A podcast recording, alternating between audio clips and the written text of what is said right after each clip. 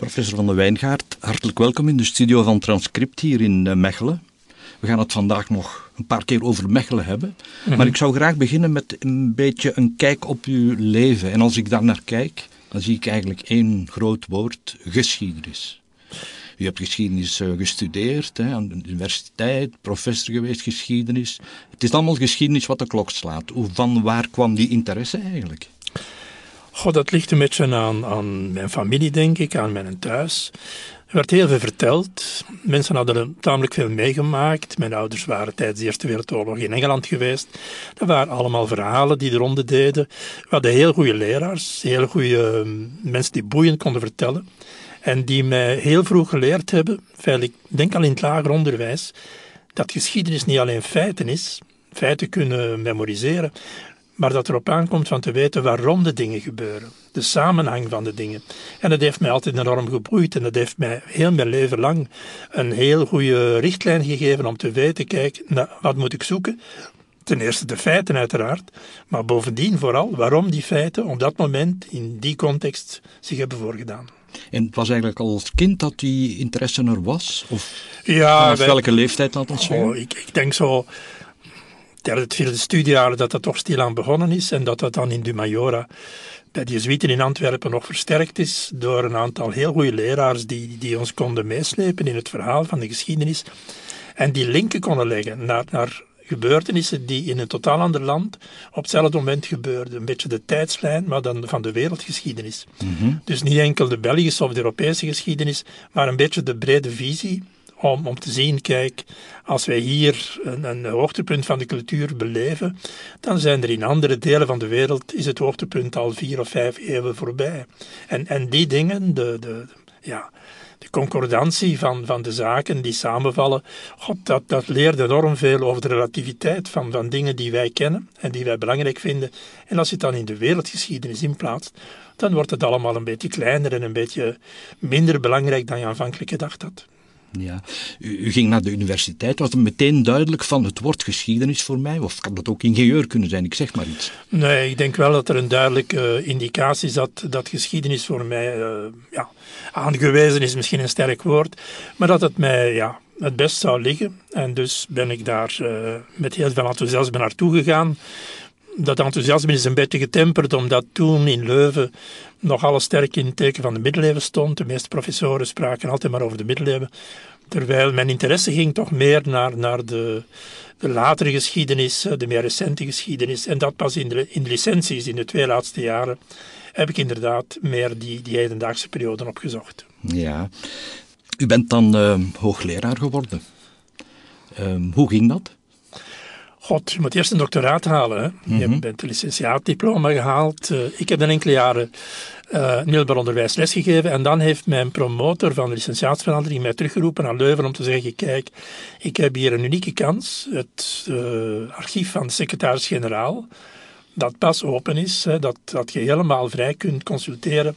Interesseert dat jou? En dan heb ik gezegd: uiteraard, interesseert dat mij. Dat was de Tweede Wereldoorlog. Dat was de Tweede Wereldoorlog. Mm -hmm. En dus ben ik ja, helemaal in de hedendaagse periode terechtgekomen. Toen was dat nog heel recente geschiedenis.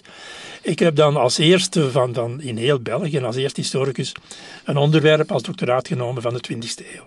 Dus echt de hedendaagse of eigentijdse geschiedenis. En dat is mij nadien, ja, ben ik in, in de latere periode van de Koude Oorlog terechtgekomen. Recente geschiedenis in België, commentaar op al wat in België gebeurt. Het ligt dus in het verlengde van wat ik uh, zeker vanaf, laten we zeggen, de, de eerste licentie, ben ik in de richting van hedendaagse geschiedenis stilaan meer en meer gegaan. Mm -hmm. Nu, een hoogleraar, hoe moet ik me dat voorstellen? Is dat uh, veel studeren nog? Of is dat vooral doseren of nog andere dingen? In elk geval eerst en vooral blijven studeren. Hè. Blijven lezen, blijven archieven raadplegen. Um, het onderzoek is een, een belangrijke pijler van het onderwijs. Dus een prof die, die te weinig onderzoek zou doen, die gaat aan zijn studenten niet het meest actuele van, van, de, van de wetenschap kunnen aanbieden. En dus onderzoek is een belangrijke pijler. Ik, heb altijd, ik heb, ben nu aan mijn vijftigste boek of 54ste boek bezig. Dus ik heb altijd blijven publiceren in artikelen, in, in boeken. Daarnaast onderwijs zelf. Um, ik heb mijn, mijn zin om, om les te geven in feite gekregen tijdens die paar jaar dat ik in middelbaar onderwijs heb lesgegeven. Dan heb je kleine klassen. En daar leer je ja, zien hoe de leerlingen volgen of niet. Of je sneller kan gaan of trager kan gaan. Dan krijg je een band met, die, met de leerlingen. En ik heb daar in heel mijn, mijn loopbaan aan de universiteit enorm veel profijt uitgetrokken. Want aan de universiteit wordt niet geleerd hoe je moet lesgeven. Er wordt verondersteld dat je dat kent. En sommige collega's kunnen dat inderdaad. Maar de meeste collega's moeten het leren. Van mhm. met studenten om te gaan, van duidelijk. Ja, je, moet, je mag niet van te lage kennis vertrekken. Je moet van een zekere kennis vertrekken. Maar als je merkt, ze zijn niet mee, dan moet je kunnen terugschakelen. En dat is feitelijk de kunst van het lesgeven. Dat je weet, ik begin op een bepaald niveau. En ik zie wel of ik ze meer krijg. En als er inderdaad die jaten zijn in hun kennis, of dat ze niet voldoende de verbanden zien, ja, dan, dan moet je even temporiseren en proberen van dat op alle mogelijke manieren die ter beschikking staan, van dat duidelijk te maken. En een derde taak van een hoogleraar is dat hij ja, de, het maatschappelijk dienstbetoon, als hij gevraagd wordt, ik neem nu een concreet geval voor mij, als radio of televisie mij vragen, of andere instanties vragen mij om, om een of ander onderwerp uit te diepen, dat hoort ook bij de taak van een hoogleraar. Dus dat zijn de drie pijlers, onderwijs, onderzoek en maatschappelijk dienstbetoon. Ja. Nu, de carrière als professor ligt al een tijdje achter u. U bent nu emeritus, zoals dat heet, met pensioen. Ehm, maar u blijft doorgaan. Hè? U blijft schrijven, u blijft uh, voordrachten geven, commentaar op radio en televisie. Het houdt niet op voor u. Nee, geschiedenis is een passie voor mij. Hè? Dat is iets wat mij begeestert. En ik heb het geluk gehad, en dat is niet voor iedereen weggelegd, dat mijn passie en mijn job dat die samenvielen. En spreek vanzelf nu dat het onderwijs voor een deel is weggevallen en ik niet meer aan de universiteit mijn bureau heb. Ik blijf die passie voor geschiedenis hebben. Vandaar dat ik, de uitgevers weten dat ook, dat ze mij nieuwe onderwerpen aanreiken of dat ze bepaalde vroegere boeken terug actualiseren. En ze weten mij te vinden en ik zeg meestal ja, omdat het mij enorm interesseert en ik doe het met heel veel enthousiasme. En dat enthousiasme blijft, ook in de voordrachten, in de lezingen, probeer ik nog altijd mensen enthousiast te maken. Ja, schrijven ook nog altijd uh, zeer veel. Gaat dat vlot bij u of is dat een, uh, een leidersweg? Nee, de, de kunst is van, van eerst heel goed te lezen, alles wat je moet lezen, alles weten en korte notas maken. En op een bepaald moment, uh, als je denkt, nu kan ik beginnen schrijven, dan gaat het tamelijk vlot. En, en de kunst is van niet te vlug beginnen schrijven. Dus eerst heel grondig inlezen, want er is niks zo vervelend als het schrijven te moeten onderbreken om te zeggen, ja, maar dat heb ik nog niet duidelijk hmm. zelf begrepen, dat moet ik nog documenteren. Dus een, de hele voorbereidingsperiode, dat is feitelijk het zware werk. Het schrijven zelf, voor mij althans, eerst dat ik heel duidelijk weet in welke richting het gaat, dat gaat tamelijk vlot. En dat is natuurlijk, hoe meer je schrijft, hoe vlotter schrijven gaat. Ik kan nu veel beter schrijven, bij manier van spreken, dan wanneer ik uh, achteraan in de twintig was. Ik heb ondertussen zoveel dingen geschreven en op heel vrij korte tijd proberen dingen bij elkaar te brengen. Ja, dat kan je als jonge man niet doen. Mm Hebt u een bepaald uh, schrijfritueel? Schrijft u vooral s morgens of s avonds? Of is daar geen Goh, zolang ik uh, aan de universiteit was, dan moest ik in mijn vrije tijd vooral schrijven. Nu is natuurlijk, nu ik gepensioneerd ben, kan ik dat doen op, in feite op elk moment. Maar ik heb er liefst een hele dag. Uh, ik vind het vervelend als ik s'avonds aan een lezing thuis kom. Vroeger zou ik dan nog vlug een paar bladzijden gedaan hebben. Dat doe ik niet meer. Ik begin nu s morgens en als het goed gaat, ga ik s middags verder. En als het heel goed aan het lopen is, dan ga ik ook s'avonds nog een stukje verder doen. Ik weet wel, het gevaar is dat ik s'avonds als, als het later wordt en al heel de wereld is stil en geen telefoons meer en geen, geen storingseffecten meer, dan, dan krijg je van jezelf de indruk dat je geniaal bent. Tot dus morgens vroeg die teksten opnieuw leest. En dan weet je dat dat een illusie is of dat dat in de euforie van het moment, eh, dat je probeert van een paar lijnen door te trekken. En, en ja, het is een, een manier van te schrijven. En op een bepaald moment moet je weten, nu, nu moet ik even stoppen. En nu moet er echt eens een pauze komen. En het vorige is heel grondig herlezen voor je verder gaat. Het is een, een beheersing van je tekst zit er niet alleen in van te schrijven, maar ook heel goed de opbouw te kennen. Mm Wat ik als jonge man nooit deed, is in, in een tekst een spanningsmoment inbouwen van in het begin. Een stukje van, van het einde van het verhaal, dat is natuurlijk een heel oude truc, in het begin van het verhaal geven, maar nog niet zeggen waarom en hoe. Dus je, je bouwt de spanning in en die wordt dan volgehouden in heel het betoog.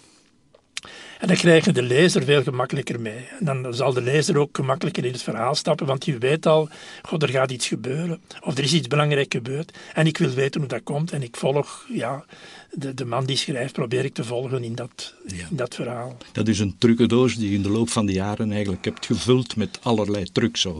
Ja, je leert uh, de spanning inbouwen. Je leert ook, vroeger schreef ik altijd in de verleden tijd. Nu schrijf ik in, het historisch presens. Dus de, ja, ik schrijf in de tegenwoordige tijd. En dat geeft ook aan de mensen die het lezen onbewust indruk. Kijk, dat gebeurt, dat is aan het gebeuren. We staan midden in het verhaal. Het is niet iets wat voltooid verleden tijd is. Je schrijft in een tegenwoordige tijd en dat geeft dan, oh, het is ook drukkelijk en ander. Het is een manier om te zeggen, kijk, het is aan het gebeuren, we, zijn er, we staan er middenin.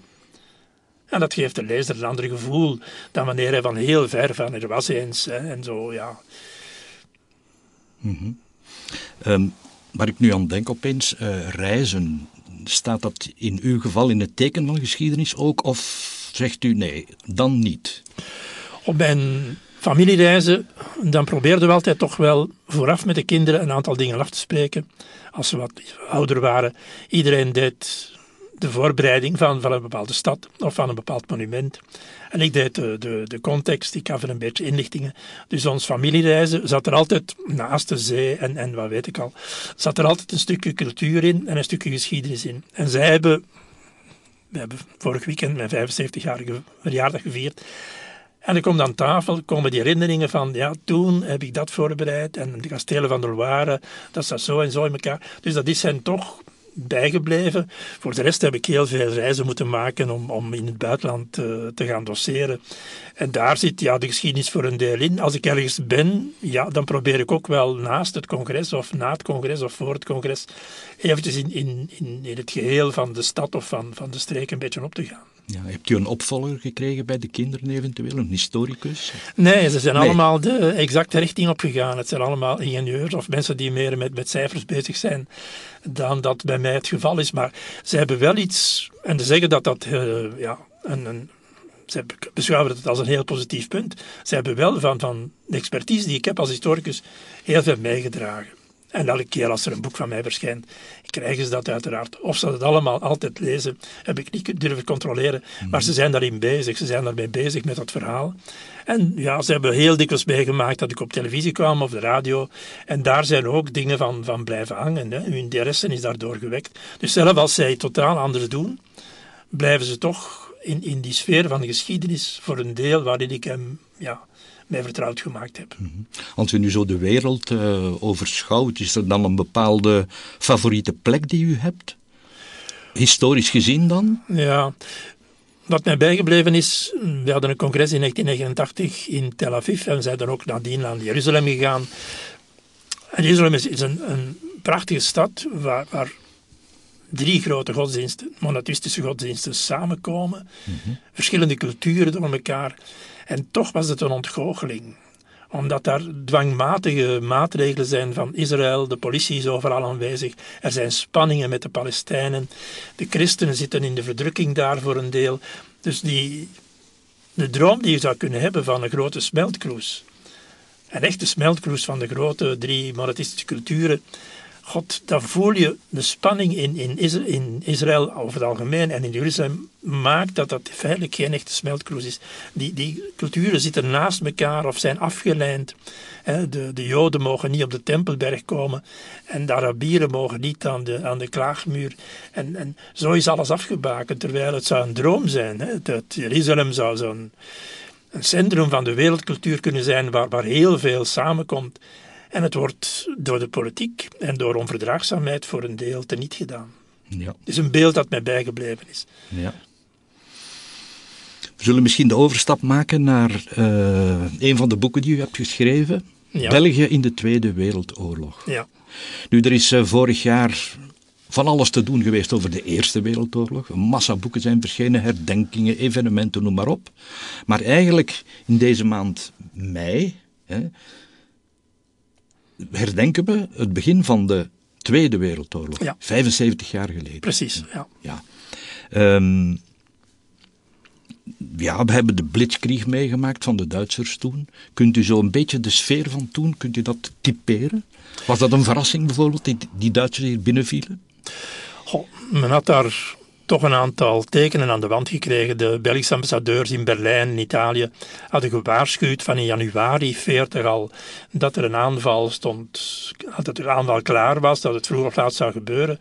Er was een verkenningsvliegtuig van de Duitsers neergestort waarin de plannen van de Blitzkrieg uh, aanwezig waren. Dus het Belgische hoofdkwartier en de geallieerden die wisten dat er duidelijk plannen waren om in het westen aan te vallen. Het was enkel de vraag wanneer zal het gebeuren mensen zelf die, ja, men heeft geprobeerd vanuit die Tweede Wereldoorlog weg te blijven. Men heeft zich opnieuw neutraal gemaakt in de jaren dertig. En men heeft het, militair bondgenootschap met Frankrijk opgezegd van in 36 om te zeggen, kijk, als er nog oorlog komt tussen Frankrijk en Duitsland, wij staan niet aan de kant van Frankrijk. Wij willen uit die oorlog wegblijven. Maar het is uiteindelijk een illusie geworden. Feit is wel dat de mensen die in 40 het begin van de oorlog meemaken, die denken aan 1914. Die denken aan de gruwelen die de Duitsers bedreven hebben, de moorden, de verkrachtingen, de brandstichtingen enzovoort. En daarom gaan, gaan in mei 1940 2 miljoen Belgen op de vlucht. 2 miljoen van de 8 miljoen. Dus een verschrikkelijke massa die zich begeeft, ja, de richting van de zee in de richting van Frankrijk. Ja. De angst van Wereldoorlog 1 zat er nog duidelijk in. Ja, en heel, heel duidelijk in het collectief geheugen. En dat heeft gemaakt ja, dat, uh, de Duitsers in 1940 hebben ervan geprofiteerd, want uiteindelijk hebben zij zich heel keurig, bij manier van spreken, keurig gedragen. Zij hebben de vluchtelingen geholpen om terug te komen. Zij gaven onmiddellijk de indruk aan de Belgen in, in juni en juli 40, kijk, dat zijn andere Duitsers. En het zal misschien nog meevallen, die bezetting. Wat is de grote ja, het masker dat ze opgezet hebben. Uiteindelijk hadden zij de bedoeling van België leeg te, leeg te halen, economisch leeg te plunderen, van de Joden de uit te schakelen, van arbeiders op te eisen. Maar dat zat in 40, hè, in de wondere zomer van 1940 was dat voor weinig mensen duidelijk dat er andere bedoelingen uh, op de voorgrond zouden komen. Mm een eh, heel bijzondere rol werd toen gespeeld uh, door Leopold III, de toenmalige koning, ja. de vader van Boudewijn en van Albert, ja. de grootvader van Philip. Um, hij kwam helemaal in conflict met de regering. De regering trok zich terug in Londen, eerst in Frankrijk, dan in Londen. Hij heeft de regering niet gevolgd. Waarom deed hij dat ja. niet? De man had een dubbele agenda. Uh, zijn argument was, wanneer hij op 25 mei 1940 zegt de regering, kijk, we moeten capituleren. Maar de regering gaat zich, zoals in de Eerste Wereldoorlog, door Frankrijk terugtrekken, om van daaruit de strijd, politieke strijd tegen Hitler verder te zetten. En de koning wou niet meegaan. De koning ging ervan uit dat nu ja, in 1940 de Duitse periode in onze geschiedenis zou beginnen en dat men zich daar moest aan aanpassen dat men geen uh, illusie mocht maken dat, zoals in de Eerste Wereldoorlog, uiteindelijk de Duitsers zouden verliezen. Hij geloofde rotsvast in de Duitse overwinning. En dus in de Duitse, Duitse periode in de geschiedenis. Vandaar dat hij enkele dagen na de capitulatie van het Belgisch leger bezoek krijgt van gezant van Hitler en onmiddellijk zegt ja om een gesprek met Hitler te hebben. De hele zaak zal zijn dat Hitler de koning niet betrouwt, omdat hij geen ja, uh, vertrouwen heeft in heel dat stelsel van, van een België dat onder een koning opnieuw zou komen. En hij, bespaart Leopold III een, een, verschrikkelijke misstap. Hij bespaart de koning dat hij de eerste collaborateur zou geworden zijn. En dat hij waarschijnlijk na de oorlog de koningskwestie zou ook zich gesteld hebben, maar dat dan waarschijnlijk de koningskwestie zou op uitgedraaid zijn, ja, dat de monarchie zou afgeschaft geweest zijn, zoals in, in Italië. Omdat het Italiaanse koningshuis had zich helemaal met, met het fascisme. En dus Italianen hebben gezegd, die moeten we niet meer hebben. Terwijl bij ons, ja, Hitler behoedt de koning voor een verschrikkelijke misstap. Ja. Kun je zeggen, de koning heeft meegehuld, heeft gehuld met de vijand? Of is dat overdreven? Voor hem was de oorlog voorbij. Hij zag een, een lange periode van, van Duitse overheersing in heel Europa. Zeker als Frankrijk ook verslagen was. En hij hoopte dat, ja, dat er op een of andere manier een compromis zou komen bij Engeland. Uh, dat is ook een hoop die hij koestert. En dan zou hij, ja, met een, zonder parlement uiteraard, zonder politieke partijen, zou hij zelf een regering maken. Uh, hij heeft een nieuwe grondwet laten schrijven in die tijd, waarin het parlement nog enkele ja, adviserende bevoegdheid had, hè, waar dus de macht bij de ministers en bij de koning lag, dus fascistoïde. Maar dat is allemaal niet doorgegaan. Dus zijn, zijn plan was duidelijk van, ik wil een rol spelen en ik wil in de geschiedenis, een nieuwe fase van de geschiedenis die nu ingaat, wil ik mijn stempel drukken. Ja, u spreekt in uw boek ergens van de Coburgse koppigheid. Hè? Was hij zo koppig, eigenzinnig? Is zeer koppig. Hij, hij zal natuurlijk in 42, 43 beginnen de Duitsers te verliezen. En, na een tijd wordt het duidelijk dat ze de oorlog aan het verliezen zijn. Hij zal nooit willen toegeven, ik heb mij vergist. Hij heeft nooit gezegd, die regering heeft uiteindelijk gelijk, die is naar Londen gegaan, die staat aan de kant van de overwinnaars. Nooit, zelfs niet wanneer hij later, veel later zijn memoires schrijft, blijft hij volhouden. Ik alleen had gelijk. Een verschrikkelijke verblinding in zichzelf. Een, ik heb het een koningsdrama genoemd. Ja. Uh, de Griekse tragedie is, de helden gaan ten onder, omdat ze de wil van de goden niet uitvoeren. En deze koning gaat ten onder, omdat hij zo verblind is in zichzelf, dat hij tegen, dwars tegen de politiek ingaat. En de hand die, die Londen hem uitsteekt, of de ministers hem uitsteken, hij weigert die te drukken. Hij gaat zijn eigen weg. Hij gaat totaal dwars, dwars door de politiek heen en hij wil zijn eigen weg gaan. En dat zal uiteindelijk in 1950 uh, zal dat eindigen op de afschaffing althans van zijn koningschap, op de troonsafstand. -hmm. Het is zo dat uh, de regering hem de kans heeft gegeven eigenlijk om zijn gezicht te redden, bij manier van spreken? Wanneer in 1945 uh, de koning gaan ontmoeten in Oostenrijk, hij is daar bevrijd van Duitse gevangenschap, dan wordt hem aangeboden, kijk, u komt terug naar België, maar je moet hulde brengen aan de Amerikanen, aan de Engelsen, aan de Canadezen. Je moet hulde brengen aan het verzet en je moet een aantal van uw raadgevers de laan uitsturen. Um, want die hebben u slechte raadgevers. Je hebt slechte vrienden. Jij zelf zijn een goeie, maar uw vrienden zijn slecht en die moeten weg. En daar is hij niet op ingegaan. Hij heeft gezegd, nee, voor ik terugkom, moeten al de mensen die me ooit beledigd hebben, hij heeft een hele lijst van namen van ministers en uh, parlementsleden genoemd, die hebben allemaal hem beledigd. Die moeten allemaal eerst de knieval doen, in het openbaar pardon vragen, voor hij terugkwam. Ja. Uh, dus zal Van Akkers en, en de regent, die komen terug naar Brussel zonder de koning. En dan zijn er onmiddellijk de socialisten, communisten, liberalen, die zeggen, als jij denkt dat hij alleen dit en dat kan doen, dat hij dan ginder blijft. Uh, Eiskes schrijft in zijn memoires als die Leopold zijn ego op een bepaald moment iets kan, had kunnen inperken, dan zou er misschien geen koningskwestie geweest zijn. Vader Eiskes bedoelt u? Of ja, zo? ja, vader Eiskes. Ja. Ja. Gaston Eiskes schrijft in zijn memoires van... Natuurlijk, de vraag is, mocht hij opnieuw koning zijn geworden? In 1960 zouden de Duitse archieven ook zijn opengegaan. En in die Duitse archieven zitten de brieven die Leopold aan Hitler heeft geschreven. Daar zit het verslag in van zijn ontmoeting van Hitler in Berchtesgaden. De Duitse tolk was zo bang dat hij fouten zou maken, dat hij alles in het verkort heeft opgeschreven. We weten dus van het eerste van het laatste tot het laatste woord wat er gezegd is tussen Hitler en Leopold. En dat zou hoe dan ook in 1960 in de openbaarheid zijn gekomen. En dat was een tijdbom onder, onder de monarchie. Mm -hmm. Als Leopold nog koning was gebleven. Ja. Er is na de, na de Tweede Wereldoorlog uh, van alles gebeurd, ook uh, straatrumoer en noem maar op.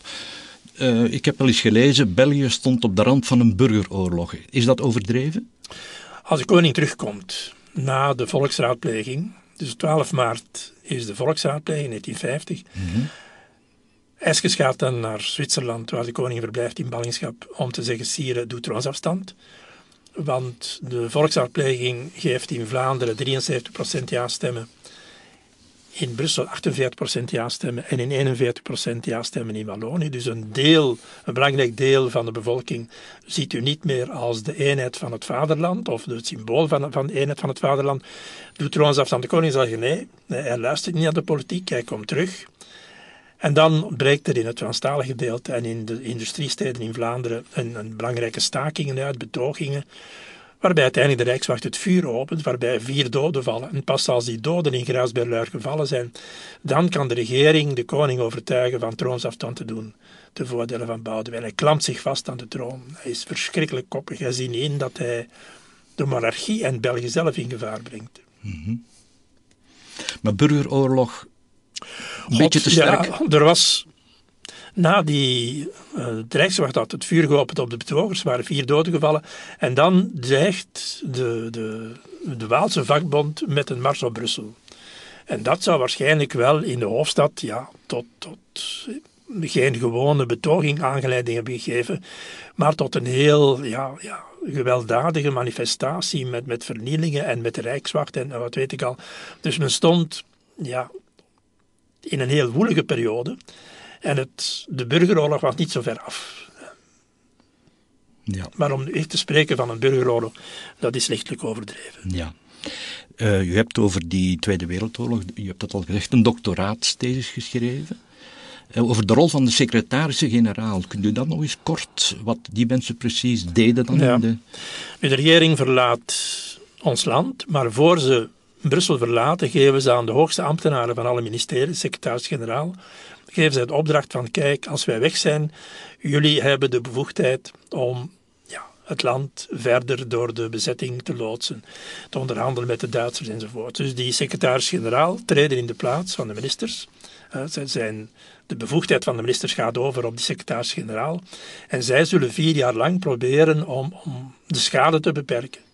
Om de politiek van het minste kwaad te, te bedrijven. Dat wil zeggen dat zij proberen door zelf aan te blijven, door zelf aan de macht te blijven, door niet de kans te geven aan een collaboratiebestuur, om de schade voor de bevolking te beperken. Uiteraard moeten zij toegevingen doen, zullen zij voor een deel met de Duitsers moeten onderhandelen. De Duitsers geven ons voedsel. Hè. De, het voedsel eh, is een enorm probleem. Eh, de, de Belgische landbouw voorzag maar in de helft van onze voedselbehoeften. Dus de rest moest ingevoerd worden en dat gaat via Duitsland. Dus Duitsland heeft een stok achter de deur, een chantagemiddel, om de secretaris-generaal tot toegevingen te dwingen. En de secretaris-generaal zullen ja, geholpen door een groep van Galopin, een groep rond bankiers en industriëlen, die zullen samen proberen van, van stand te houden. Maar hoe dan ook, in de loop van de oorlog wordt die politiek van het minste kwaad, dat kwaad wordt altijd groter, want ze doen meer en meer toegevingen. Ja. U bent met, met die scriptie die u toen geschreven hebt, bent u onderscheiden door, nu moet ik even goed nadenken, de Koninklijke Academie voor Wetenschappen, literatuur en schone kunsten, zeg ik het juist? Ja, ja, ja, ja. Um, bent daar laureaat van geworden. Wat, wat deed dat met u toen?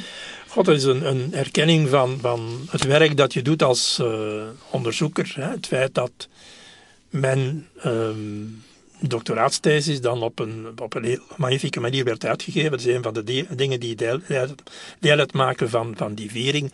En dat ja, voor de rest van, van je leven blijf je laureaat. Dat is natuurlijk een, een enorme erkenning van, zeker op die jonge leeftijd van toen. Ja, wat was u toen? Ik was 33. 33. Enfin, nu is dat, lijkt me dat heel jong. Toen vond ik mezelf al tamelijk oud. Dat is de relativiteit van de dingen die, mm -hmm. die je leert met wat ouder te worden. Dus het was een erkenning, het was ja, een, een plechtig moment in mijn leven, waarbij je door die erkenning zelf gestimuleerd wordt, ik wil verder gaan, ik wil in, die, in diezelfde richting verder gaan. Het is een stimulans. Elk boek dat verschijnt is een stimulans om te zeggen, kijk, ik ga verder, ik wil.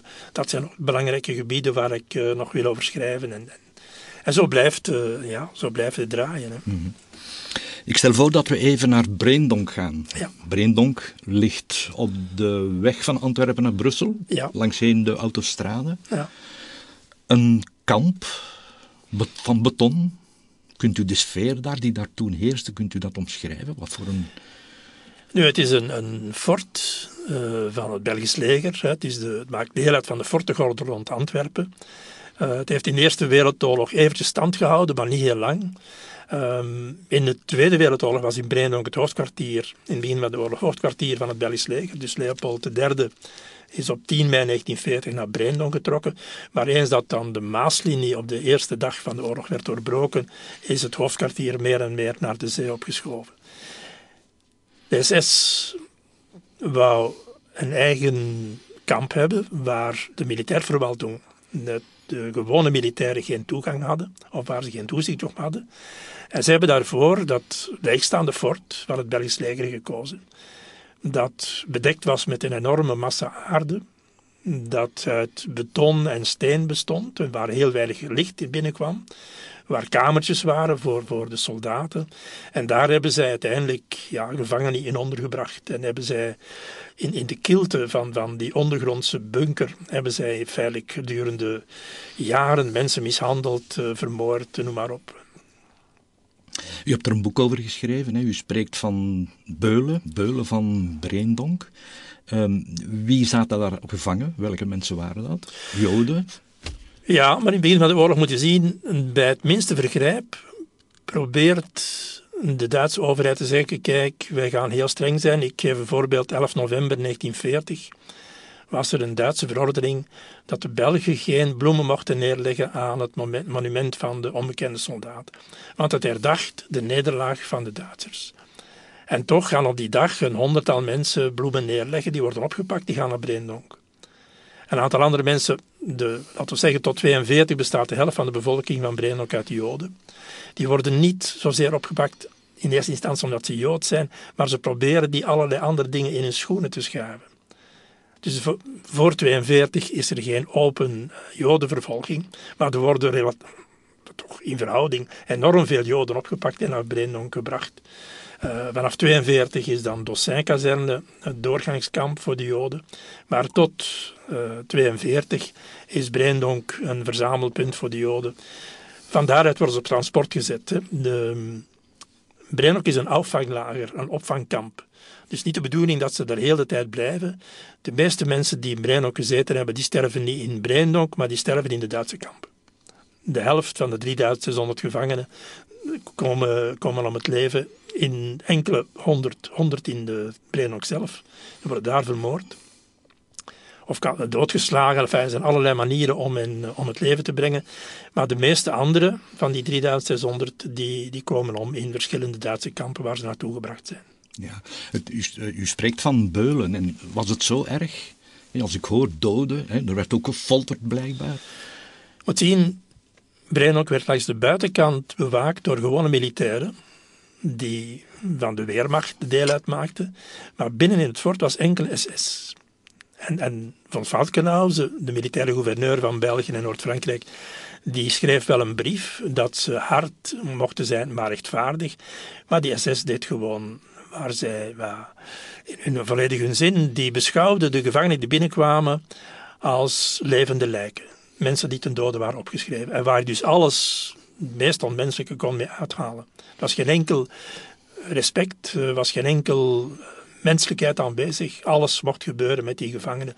Ze gingen ervan uit, die moeten toch dood, die moeten toch aan hun einde komen. Want het zijn ofwel uh, vijanden van de staat of vijanden van Duitsland, of het zijn criminelen in hun ogen. Dus zij, zij behandelen die werkelijk niet meer als mensen. En daar geeft natuurlijk, gezien Breen ook een gesloten systeem was, waar weinig of geen wetten of, of menselijkheid aanwezig was, dat, wordt van, dat gaat van kwaad naar erger. Het, naarmate de oorlog vordert, gaat, gaan de mishandelingen, gaan, gaan de misdrijven, de misdaden, de folteringen erger en erger worden. De bewakers waren niet alleen Duitsers, maar ook Vlamingen. Hè? Ja. Er zijn 19 Belgen die uh, tot de SS zijn toegetreden en die dan in het kamp bewakingsopdrachten hebben gekregen.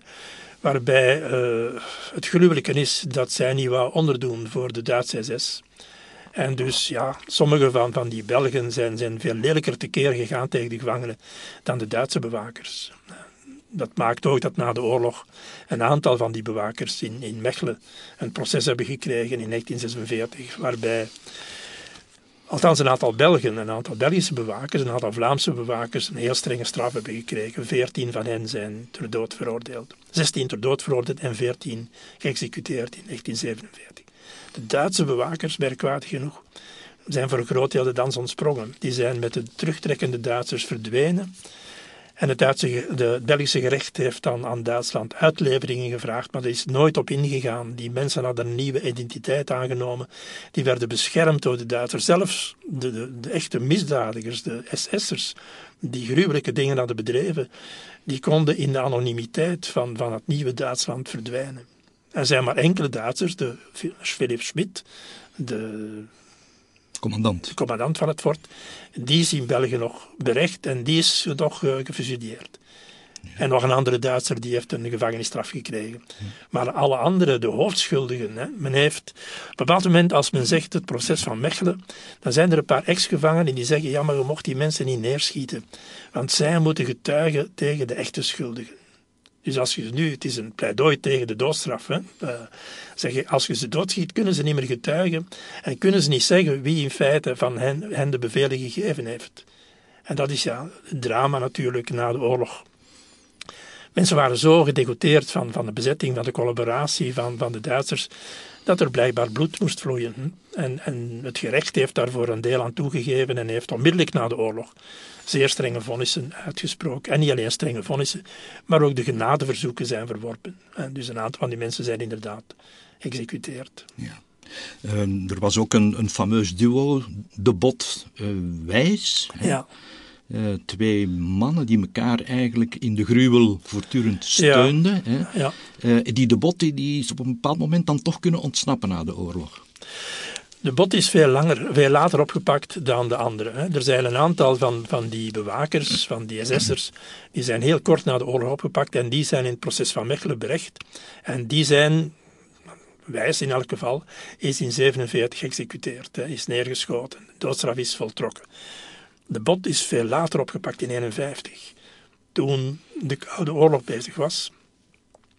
En toen er een hele ommekeer in de geesten bezig was, is uiteindelijk die man teruggekomen hij heeft nog een. Uh, er sprake van een doodstraf, uiteraard. Hij was de, de kwade geest van, van Wijs. Wijs was een primitieve man. En de bot jutte die voortdurend op om nog meer brutaliteiten te doen. En hij wedde dan met hem voor een fles cognac wie de, die dag de eerste uh, Jood zou doden of, of doodstampen. Een heel grote brutaliteit. Hij was zo gezegd de, ja, de inspirator. En Wijs voelde uit. En de bot, ja, die gaat de dans ontspringen. Zijn, zijn doodstraf wordt in levenslang omgezet. En hij zal de rest van zijn leven in de gevangenis doorbrengen, maar hij wordt niet, zoals de anderen, uh, ter, dood, ter dood gebracht. -hmm. het, uh, het fort van Brainok is nu een soort, hoe moet ik het noemen, een museum, een memoriaal. Uh, kun, kun je daar nog de sfeer van toen terugvinden? Het fort van Brainok is een van de weinige. Ik denk dat er in Duitsland ook een kamp is dat bewaard is zoals het toen was. Vandaar dat men niet graag heeft in Breedonk dat je spreekt van een museum. Het is een, een gedenkteken, het is een memoriaal. Je komt daar terug in het fort zoals het toen was. En men heeft heel veel dingen uh, aangebracht wat, wat de rondleiding gemakkelijker maakt. Maar het fort op zichzelf en de functie van het fort en alle dingen die er gebeurd zijn, die spreken nog uit de muren zelf. En, en je hebt daar natuurlijk uh, het wordt zeer indrukwekkend als je er als een enkeling in, rondloopt met je audioapparaat. Uh, of als je met een groep meegaat. Um, de verschrikkingen komen zo, spreken zo uit die muren zelf. Dan moet je nog niet in de folterkamer gaan. Het is een gruwelijke omgeving. En men zegt ook van in het begin, kijk, als je hier binnenkomt, we zullen nog nooit meer uw naam noemen. En je hebt nu een nummer. Ze moesten eerst een hele tijd tegen de buur staan als ze binnenkwamen.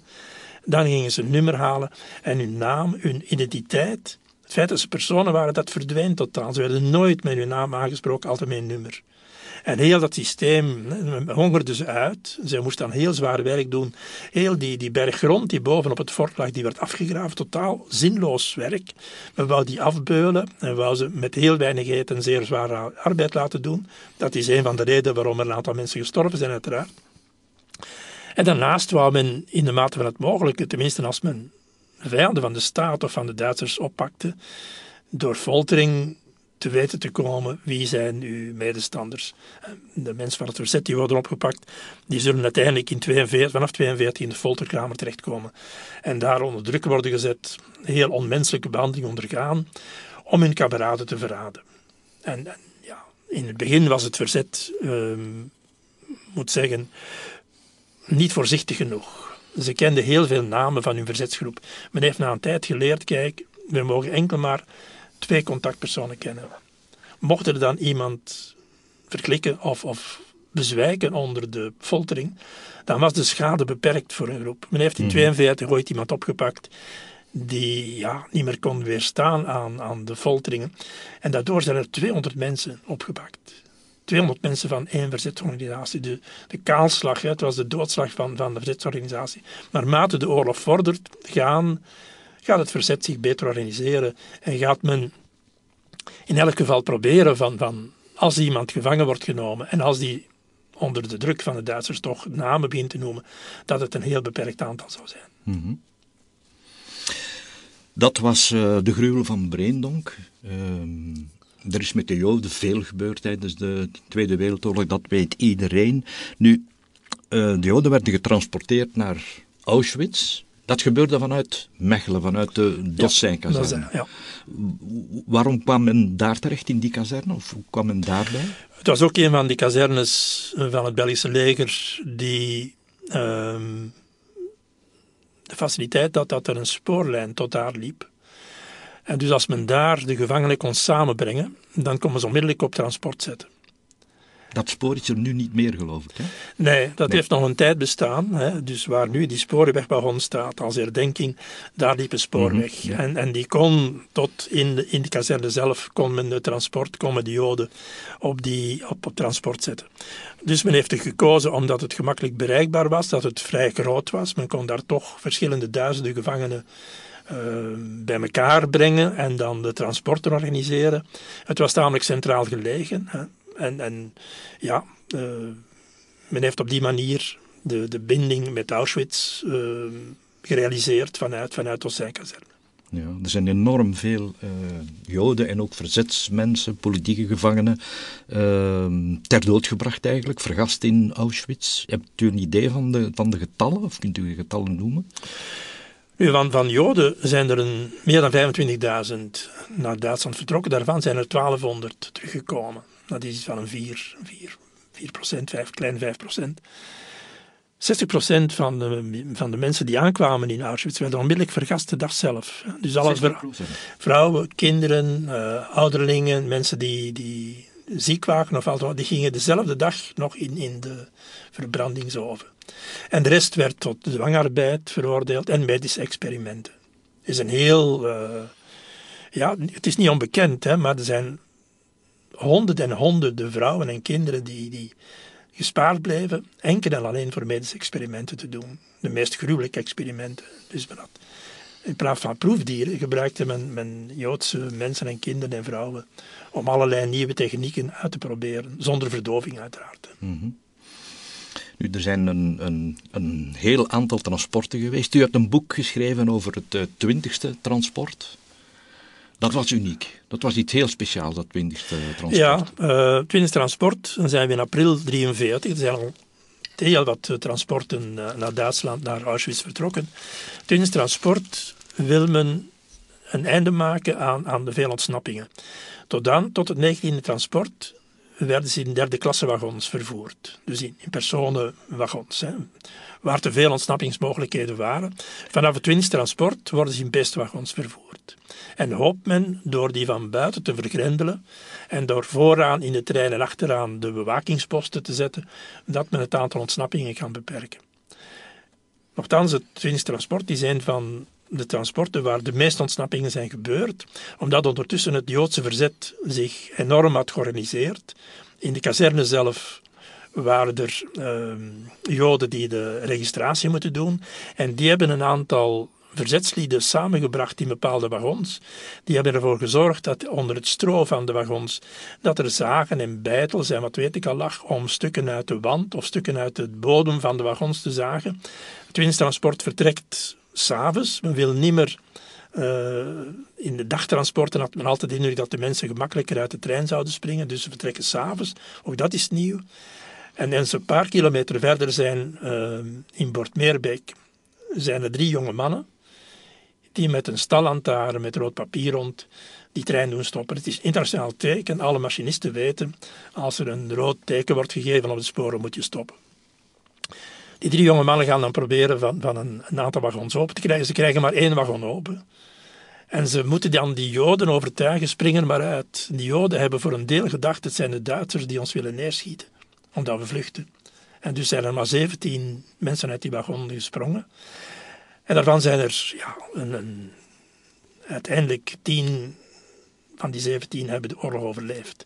De anderen zijn nadien terug opgepakt. Die trein zal dan verder rijden naar de Duitse grens. En nog voor de Duitse grens zijn er nog meer dan 200 gevangenen die eruit springen, die, die op allerlei manieren proberen te ontsnappen. Het is dus het transport vertrekt met 1600 Joden, ze komen aan met 1400 tot grote. De mensen in Brussel worden daarvoor verantwoordelijk gesteld. Hè. De verantwoordelijke, de Joedenreferenten, die krijgen enorm uh, reprimades van Berlijn dat er zoveel ontsnappingen zijn gebeurd. Voor een deel is het Transport een teken van het Joodse verzet, van het Belgische verzet. En van het feit dat mensen toen zeker heel, heel goed wisten, kijk, wij gaan een, een zekere dood tegemoet. In het begin, laten we zeggen in, in de eerste transporten van augustus 42, dat waren arbeidstransporten, zo werden ze altijd genoemd. Men had de Joden wijsgemaakt, je gaat naar arbeidskampen. En men had de Jodenraad. Het is een, een, vereniging van de Joden in België. De notabelen hadden hun, landgenoten, hun, Joden proberen gerust te stellen. Kijk, wij, wij sturen de uitnodigingen, bied u aan op dat moment. En dan wordt je op transport gebracht naar Mechelen. En van daaruit gaat je naar een arbeidskamp. Maar het was heel duidelijk. Er werden vrouwen en kinderen meegenomen. Oude mensen, zieke mensen werden uiteindelijk op transport gezet. Dus heel die de, het alibi dat men arbeidstransporten organiseerde, dat werd doorprikt. En dus vandaar dat heel spoedig na de eerste transporten Joden massaal gaan onderduiken. Meer dan de helft van de Joodse bevolking is ontsnapt aan, aan de deportatie, omdat men ingezien heeft, kijk, hier loopt het helemaal fout, hier gaan we, van die mensen gaan we nooit iets horen. En dus heeft ook het verzet zich duidelijk gedistanceerd van van heel die uh, jodenvervolging heeft enorm inspanning gedaan om de joden te helpen onderduiken. Om joodse kinderen, de helft van de joodse kinderen zijn gered. In, in katholieke pensionaten, in scholen ondergebracht, onder een valse naam. Dus men heeft een enorme inspanning gedaan van solidariteit tegenover de joden. Joden die nogthans in de jaren dertig ik kan niet zeggen dat er een antisemitisme was in België, maar de, de Joden waren niet geliefd de meeste Joden waren ook vreemdelingen. Er was maar 7% van de Joden in België hadden een Belgische nationaliteit. En de anderen waren Polen en Russen en noem maar op. Duitsers ook, die gevlucht waren voor Hitler. Oostenrijkers die gevlucht waren. En het is die, ja, die vreemdelingenhaat, of, of toch het ja, een beetje vreemd staan tegenover vreemdelingen. Op het moment dat die mensen een ster moeten dragen, de Davidster, gaan heel veel mensen zeggen dat kan niet, dat laten we niet toe. En er is een solidariteit, ontstaan die uiteindelijk van een aantal particulieren is uitgegaan. Een aantal mensen hebben gewoon hun buren, die ze van vroeger kenden, gezegd: Jij moet bij ons onderduiken of we zorgen voor u. Eh, de, de, de, de scholen, een aantal priesters hebben eh, de taak op zich genomen van mensen te laten onderduiken. En het verzet zelf heeft zich uh, daarop toegelegd om, om ja, mensen laten onderduiken is een groot probleem. Men moet die ook voedsel kunnen geven, men moet die in veiligheid kunnen geven. Men moet bovendien weten, als iemand een, Jood uh, verborgen hield en die werd betrapt, dan werd hij zoals de Joden behandeld.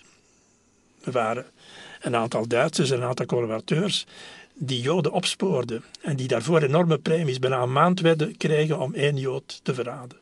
En heel dat systeem maakt dus dat de Joden en beter en beter uh, zich zijn organiseren. En dat de, de, Duitsers uiteindelijk enorme problemen hadden om hun transporten nog gevuld te krijgen. Het winsttransport gaat men uit, uit ziekenhuizen, gaat men uit ouderlingentehuizen mensen halen om toch maar eh, het getal te, te bereiken dat, dat Berlijn had opgelegd. En dat maakt ja, -hmm. Dat uiteindelijk um, die strijd was ongelijk, maar men ziet duidelijk een keerpunt. Hè, dat uiteindelijk veel meer Joden zelf beseffen, wij moeten ontsnappen. Zelf als we opgepakt worden, we moeten proberen te ontsnappen uit, uit dat, de, de trein naar de dood. Mm -hmm. De Dossijnkazerne is nog altijd uh, te bezoeken. Ja. De Dossijnkazerne, althans een deel daarvan, het voorste gedeelte, is nu een memoriaal geworden, waar men de verschillende transporten herdenkt in een soort van, van ja, een gewijde plaats. Uh, daarnaast heeft men een, een nieuw museum gezet. Een, een, museum gezet waarin heel de Jodenvervolging wordt teruggeplaatst in de schending van de mensenrechten. En waar men de genocide van dan tijdens de Tweede Wereldoorlog plaatst in perspectief van alle genocides die er ooit gebeurd zijn en die nog aan het gebeuren zijn. Dus men heeft het geniale gedacht gehad van kijk, de, de genocide van de Joden, de idiocide, is, is belangrijk, is gruwelijk. Het is feitelijk de eerste genocide die op een industriële manier gebeurt. Een industriële vernietiging van mensen, dat is vrij uniek in de geschiedenis. Maar daarnaast zijn er na de oorlog en voor de oorlog tal van, van soortgelijke uitroeiingen geweest van mensen die maar één ja, uh, reden hadden om, om ze uit te schakelen. Dat was uw ras of uw godsdienst. En dus Dossijnkazerne heeft leert ons de les. Het is natuurlijk ten eerste leer je heel duidelijk de jodenvervolging kennen en zie je de mensen, hoe ze werden behandeld, wat er werd gedaan enzovoort. Maar je leert ook dat het niet eindigt met de Tweede Wereldoorlog. En dat de geschiedenis van de schending van de mensenrechten, dat dat doorgaat tot onze dagen.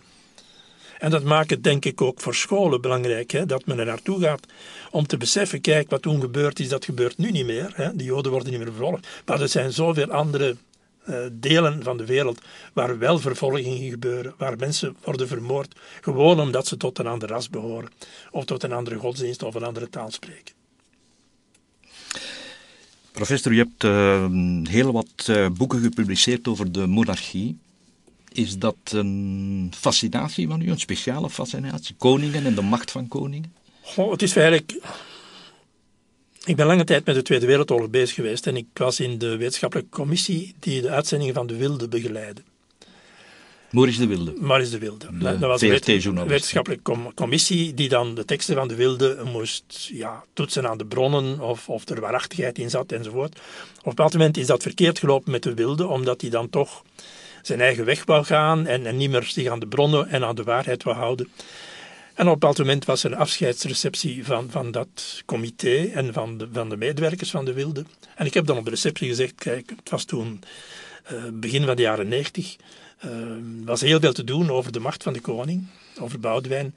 Heb toen aan, aan de voorzitter van de raad van bestuur van de VRT gezegd, zouden we niets doen over de monarchie.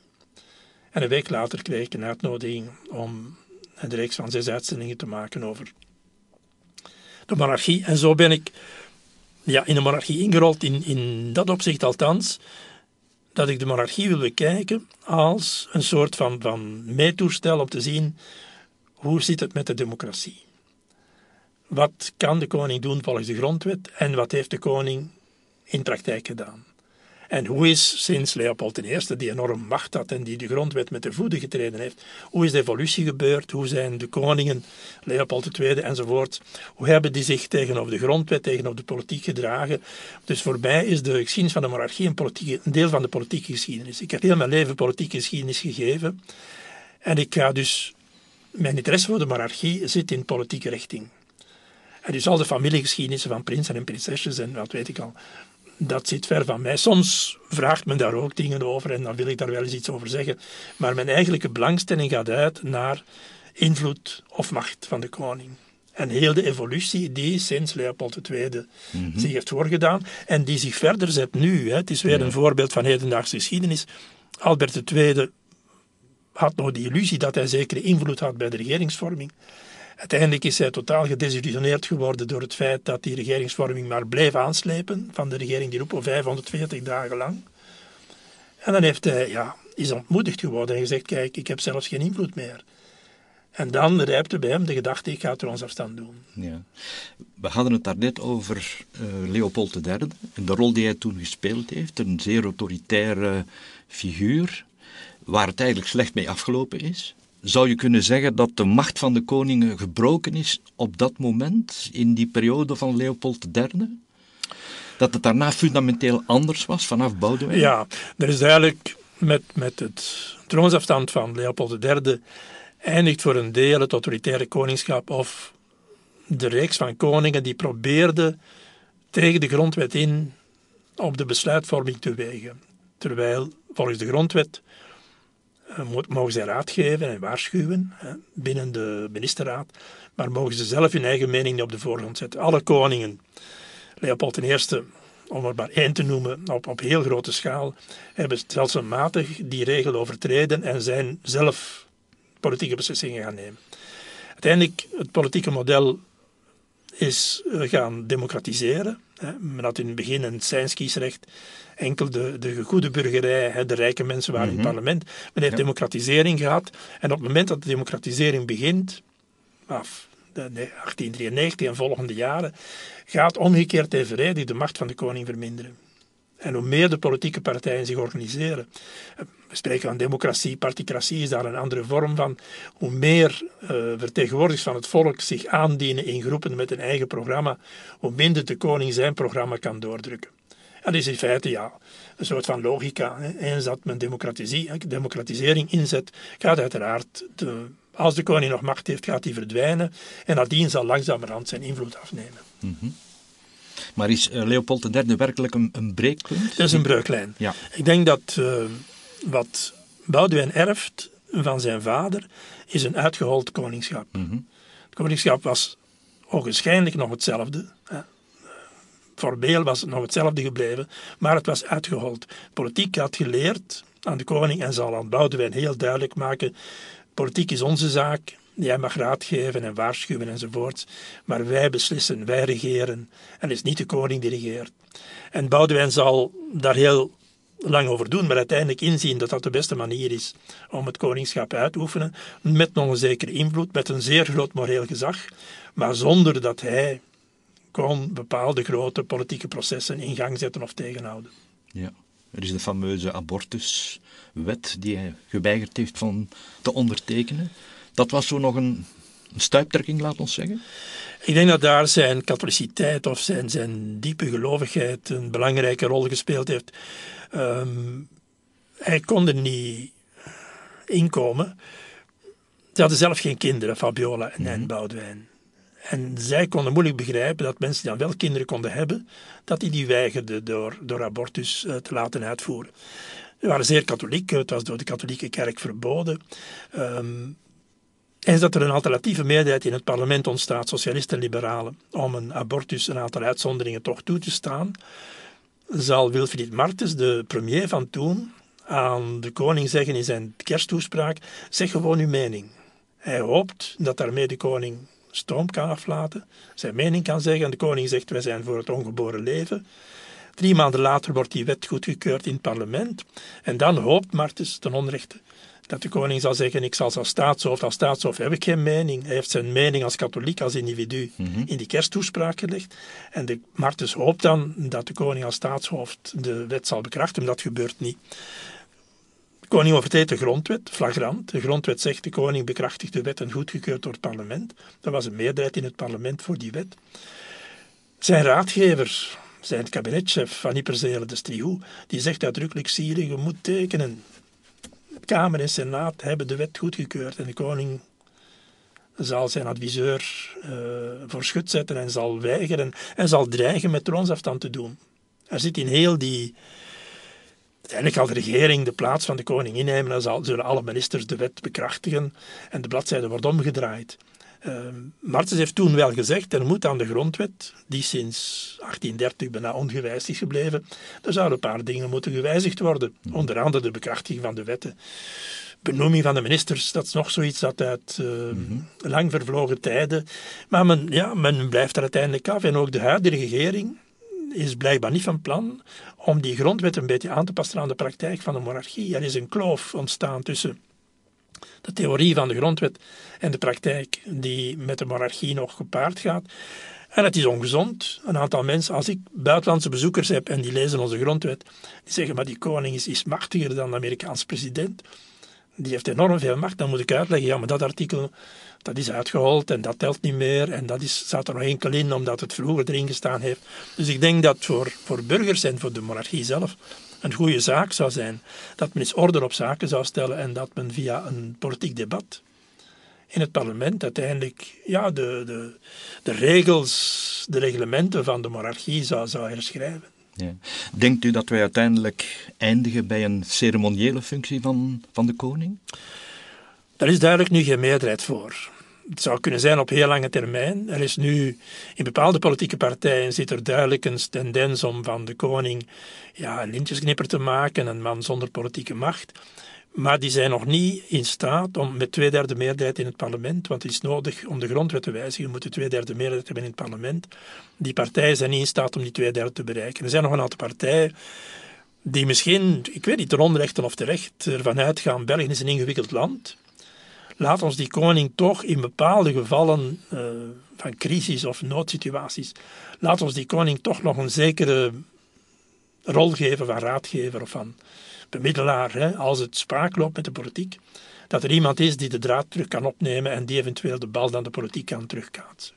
In die zin denk ik dat ja, de eerstkomende jaren de monarchie misschien nog minder invloed zal krijgen, maar dat men niet onmiddellijk naar een ceremoniële monarchie zal overgaan. Mhm. Eh, er is veel te doen geweest over de figuur van Philip. Hij zou het niet kunnen, zei men altijd. Ehm, wat vindt, heeft hij het goed gedaan tot nog toe? Ik denk dat hij op een heel voortreffelijke manier die nieuwe, dat nieuwe soort van monarchie invult. Namelijk de, de koning die beseft, politiek is een zaak van politici. De verkiezingen zijn daar van 2014. N-VA behaalt een verpletterende overwinning. En de volgende dag legt de koning, Filip, een verpletterende verantwoordelijkheid in de handen van Bart de Wever. Er wordt niet uh, verder geen tijd gewonnen of, of tijd, uh, tijd verspild. Er wordt heel kort op de bal gespeeld. En ik denk dat de les die men getrokken heeft uit de zeer lange regeringscrisis van, van Di Rupo, 540 dagen zonder, zonder federale regering, dat ja, de, de nieuwe raadgevers van de koning duidelijk weten, kijk, we mogen ons niet door politieke spelletjes laten meeslepen. En we moeten, als dus de kiezer gekozen heeft, dan moeten we de verantwoordelijkheid leggen bij de, degene die door het volk zijn aangeduid. En dat is gebeurd. En met, met goed gevolg. Koning blijft een belangrijke functie vervullen. Ceremonieel voor een deel, voor een deel toch wel in, in belangrijke mate als raadgever, ultieme raadgever van, van de ministers. Niet alleen van de federale ministers. Filip heeft duidelijk van in het begin bij zijn eetaflegging gezegd: ik zal ook contact houden met de regionale minister, de Vlaamse minister, de Brusselse ministers, de ministers van de Duitse gemeenschap. Hij beseft, misschien meer dan zijn vader, dat België ondertussen meer en meer federaliseert. Hè, en dat hij als koning ja, een, extra taak krijgt om die verschillende onderdelen van België, de gemeenschappen, de gewesten, de federale regering, om die samen te houden. En ik denk dat daar, hoe dan ook, of dat nu een koning of een president is, daarin zit een heel belangrijke taak in een federale staat. Dat iemand probeert de, de verbinding te maken, de bemiddelaar te zijn tussen de verschillende entiteiten. Uh, professor, u kent uh, Geert Hosten ja. die jaarlijks een conferentie brengt waarin dikwijls de spot wordt gedreven met het uh, koningshuis of met de koningskinderen. Kunt u daarmee lachen? Zelden. Ik kan heel zelden daarmee lachen, omdat het verschrikkelijk goedkope humor is. En bovendien lacht men met mensen die geen wederwoord hebben. De koning zal daar nooit op reageren met een... Kan zich niet verdedigen. Kan zich niet verdedigen. En ik vind dus sommige vormen van humor zijn heel, heel, heel goed en men kan bij alles lachen. Maar als men eenzijdig met uit uh, karikaturen maken van, van staatshoofd enzovoort. Uiteindelijk spreekt daar ook duidelijk, wij hebben niks eerbied voor de mensen die, die zelf als het symbolisch is, een staatshoofd is belangrijk, een vlag is belangrijk. En als je daarbij begint te lachen, dan haal je alles onderuit. En ik, weet niet of dat, dat de bedoeling is van Geert Hosten. Geert Hosten heeft uh, buiten zijn, zijn conferences speelt een belangrijke rol op humanitair gebied en dat, dat bewonder ik. Maar zijn conferences, uh, ja, zijn toch van een heel goedkope soort, vind ik. En, en de humor die daarin bedreven wordt, god ja, mm -hmm. is ja. niet van, van de, de meest verfijnde die ik ken. Ja, ik heb nog een, een paar vragen voor u, als ik mag. Um, ik zou een paar vragen willen stellen over belangrijke momenten in de geschiedenis. Ja. ja. Uh, wat is voor u het belangrijkste moment in de Belgische geschiedenis? Oh, ik denk de hele democratisering. Het feit dat men, men is begonnen in de 19e eeuw met een heel conservatieve staat, met de macht in handen van, van 1 of 2 procent van de Belgen waren kiesgerechtigd in 1830 een heel een parlement dat bestond uit de, rijke mensen die enkelmaal wilden dat alles zou blijven zoals het was. Van 1893 zijn er buiten het parlement, binnen het parlement stemmen opgegaan. Wij moeten iedereen een stem geven. inspraak geven.